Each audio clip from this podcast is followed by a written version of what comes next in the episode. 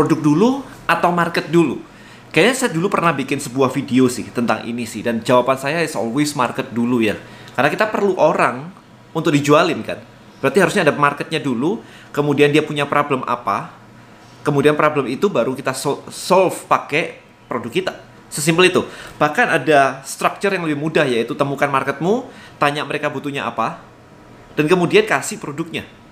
Sesimpel itu sebenarnya untuk melakukan sebuah bisnis ya. Jadi temukan marketnya, oh dia punya problem itu, Anda tanyain, Anda konfirmasi, baru Anda cari produknya untuk dijual ke mereka.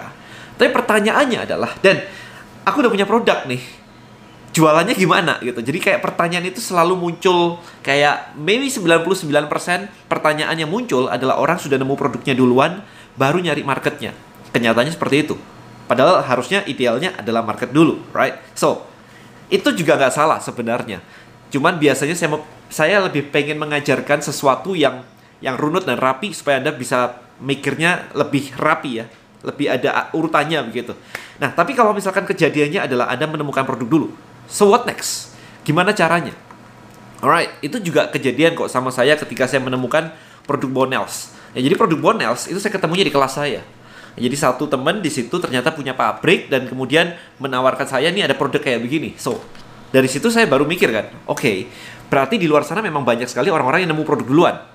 Kalau anda nyari duluan, nah ini ini challenging sih. Kalau anda kayak produk apa yang laku ya? Kalau ini memang benar-benar datang ke saya duluan. Jadi produk Bonels ini benar-benar datang ke saya duluan. Terus, oke, okay, enaknya diapain ya ini ya? So stepnya kayak begitu. Jadi, sekarang di video ini saya pengen memberikan kerangka juga buat Anda. Supaya Anda lebih mudah untuk berpikir, kalau Anda nemu produk duluan gimana? Anda nemu produk, oke? Okay? Nah, maka pertanyaannya adalah, produk ini punya fungsi apa? Dan menyelesaikan masalah apa? Let's say ini adalah uh, deep sleep ya, ini deep sleep gitu. Oke, okay, so deep sleep ini membantu orang-orang yang susah tidur. Kita breakdown dulu. Ini problem yang mau di-solve apa? Yang mau diselesaikan tuh problemnya apa? Ya, jadi ini ini kita memiliki gambaran terhadap sebuah problem nih. Susah tidur ini adalah sebuah problem di sini. Nah, Anda harus ketemu nih, problemnya apa? Oke. Step berikutnya adalah kita menentukan problem ini dimiliki oleh siapa. Nah, gitu ya. Jadi mundur gitu ya. Jadi produk dulu, produk ini menyelesaikan masalah apa? Masalah ini dimiliki oleh siapa gitu. Jadi who yang memiliki problem ini. Clear gitu ya. Jadi banyak kalau yang memiliki problem nggak bisa tidur kan banyak banget ya. Mulai dari bayi sampai orang tua. Mungkin orang yang sibuk, saya aja suka banget pakai ini gitu. Karena kadang-kadang kalau lagi banyak pikiran gitu kan nggak bisa rileks gitu ya. Jadi saya suka banget pakai ini. Oke, jadi siapa? Itu terlebih dahulu. Tentunya kalau target market Anda seperti saya versus target market Anda anak kecil, maka hunya akan berbeda. Bisa saja ini um, mama-mama gitu ya, moms, ya, moms muda gitu, bisa aja.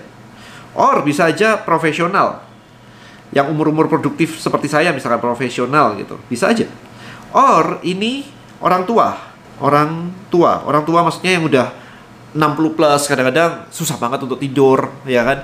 Semakin tua biasanya waktu tidurnya semakin pendek. Nah itu bisa menggunakan ini. Nah otomatis ketika anda sudah mendefinisikan marketnya seperti ini siapa siapa siapa anda sudah mulai ketemu nih marketnya nih right? Jadi at least anda sekarang udah nemu marketnya.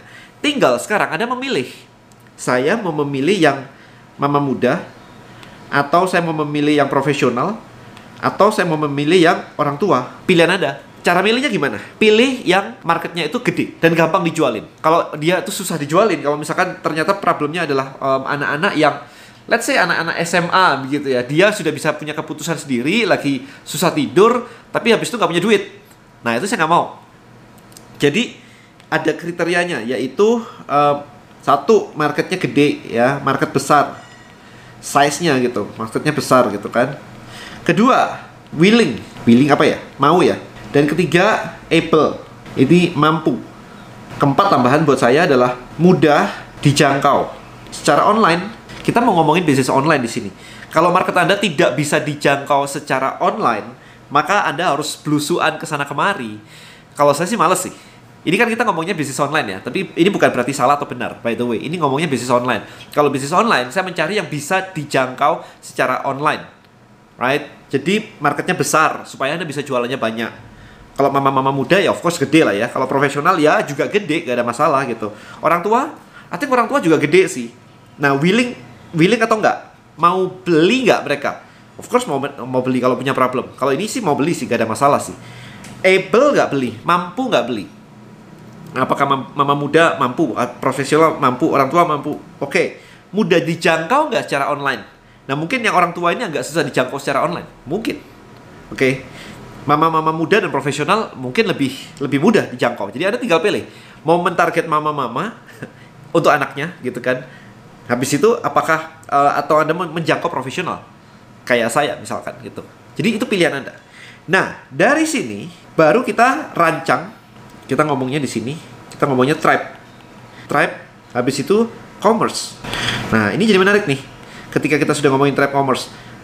Let's say kita mentarget mama-mama muda.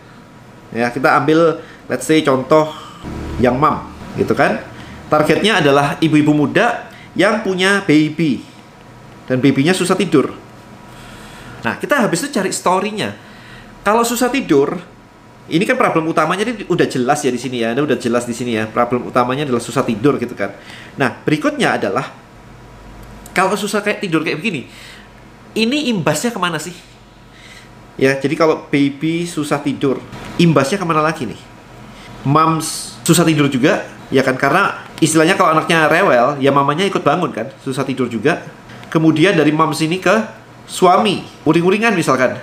Kalau anaknya rewel, nangis-nangis terus tengah malam, kemudian mamanya jadi susah tidur juga, berarti orang uh, berarti suaminya juga susah tidur juga nih. Kalau suaminya susah tidur juga, terus habis itu pagi uring-uringan, ngomel dan sebagainya, yang stres bukan anaknya loh.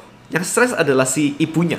Jadi kita meng-create second problem di situ. Nah, ini keren ya. Kalau Anda bisa bisa uh, membuat kayak begini, ini jadi jadi stacking the problem. Ini yang saya bilang kemarin menciptakan problem di benak user gitu kan. Itu kenyataannya ada sih sebenarnya problemnya udah ada. Cuma mereka oh iya bener juga ya. Begitu anakku nangis, suamiku sudah mulai begitu habis itu uring-uringan gitu kan. Jadi ini namanya stacking the problem. Jadi ini jadi susah tidur ini jadi keren nih. Uh, habis itu ada ini. Jadi munculnya jadi kayak baby susah tidur satu di sini, mom jadi susah tidur di sini, habis itu suami jadi uring-uringan karena susah tidur juga. Habis itu kerja nggak optimal, ngantuk, lesu dan sebagainya, energinya rendah dan sebagainya dan ini ngefek ke, lain-lain gitu kan, ke banyak hal gitu. Ya ini bisa di, di stacking terus tuh bisa banget kalau suami uring-uringan, suami susah tidur, suami tidak optimal, habis itu apa tuh? Nah kayak gitu. Jadi itu problemnya di stacking terus. Dan solusinya simple ternyata ini create story-nya kayak gitu. Solusinya ternyata simple bahwa Anda cuma perlu membuat baby Anda lebih mudah tidur. Ya kan? Setelah baby Anda tidur, istri jadi uh, mamanya jadi mudah tidur, habis itu suaminya jadi mudah tidur. Stackingnya jadi, oh oke, okay, berarti ini di solve satu aja nih. Semua rentetan problem ini jadi jadi selesai. Nah, caranya kayak begitu. Sehingga apa? Sehingga harga dari sebuah produk itu menjadi rendah karena problem yang diselesaikan jadi banyak. Jadi mundurnya kayak begitu teman-teman di sini ya. Hopefully ada kebayang. Nah, habis itu kita cari lagi nih. Baby susah tidur itu kenapa? Apakah cuman gara-gara susah tidur doang? Atau apa? Ini caranya untuk uh, bikin overstack gitu ya. Ternyata baby susah tidur itu karena apa? Hidungnya tersumbat. Ya bisa aja ya, ini, ini saya create ya. Hidung tersumbat. Karena kalau saya sudah hidung tersumbat, wah bangun jam 4 pagi, jam 3 pagi itu nyebelin banget gitu kan. Hidung tersumbat. Nah, Terus gimana solusinya kalau hidung tersumbat? Di stacking, Anda bisa upsell ke misalkan ini, yang satu lagi. Jadi ada dua ya. Ini yang buat tidur, ini yang buat cough and flu gitu kan. Ini buat batuk pilek. Jadi ini kalau misalkan hidung tersumbat, itu kalau menghirup ini kayak setengah jam mungkin nggak sampai sih, setengah 15 menit setengah jam mulai plong gitu. Nah itu akan membuat baby tidurnya lebih enak karena hidungnya tidak tersumbat. Percuma dikasih deep sleep kalau hidungnya masih tersumbat. So, you know, Anda mencari problem-problem tambahan di seputar itu kemudian memberikan solusi di seputar itu. Nah, ini jadi menarik nih, karena habis itu Anda menjadi overstack Anda jadi besar. Overstack itu kumpulan dari produk, bundle Anda menjadi lebih besar. Mikirnya, saya ulangin sekali lagi. Jadi mikirnya adalah yang pertama, Anda nemu dulu produknya apa, gitu ya. Anda ketemu nih produknya apa. Habis ini produk ini menyelesaikan masalah apa? Ini misalkan menyelesaikan masalah hidung tersumbat atau tidak bisa tidur, gitu kan.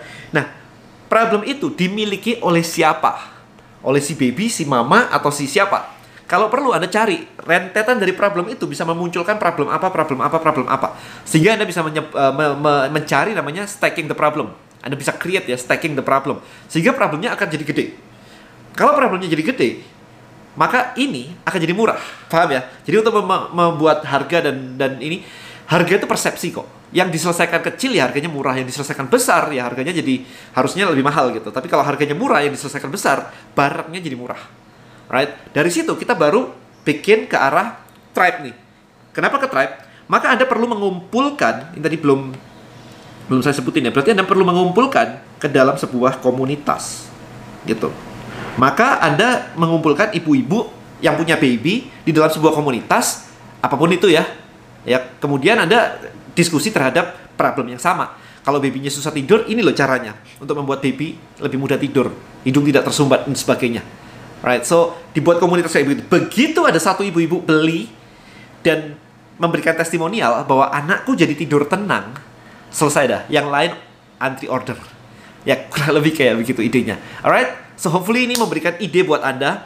Barangnya boleh apa aja by the way. Ini cuma ini cuma contoh by the way. Ini cuma contoh gitu aja. Kalau anda mau jadi reseller boleh, tapi ini cuma contoh. So apa pun produknya di luar sana, anda temukan problem apa yang uh, diselesaikan, disolve oleh produk itu. Siapa yang memiliki produk itu, kalau sudah memenuhi kriteria gampang dijangkau online, willing and able dan sebagainya, marketnya besar, maka ini tadi dibuat menjadi sebuah topik atau sebuah komunitas. Ya, nanti ada ada komunitas, ada konten buat sosial media, ada sudah nonton video saya, tiga step profit framework. Nah, di situ nanti. Jadi dibuat sosial medianya untuk why-nya, habis itu dimasukin ke sebuah komunitas untuk dibahas, diskusi, diajarin, and then you sell the what. Gitu kan? Itu itu stepnya seperti itu. Alright, dari situ aja harusnya Anda sudah mendapatkan income. Thank you so much for watching this video. I'll see you guys uh, in the next one. Bye-bye.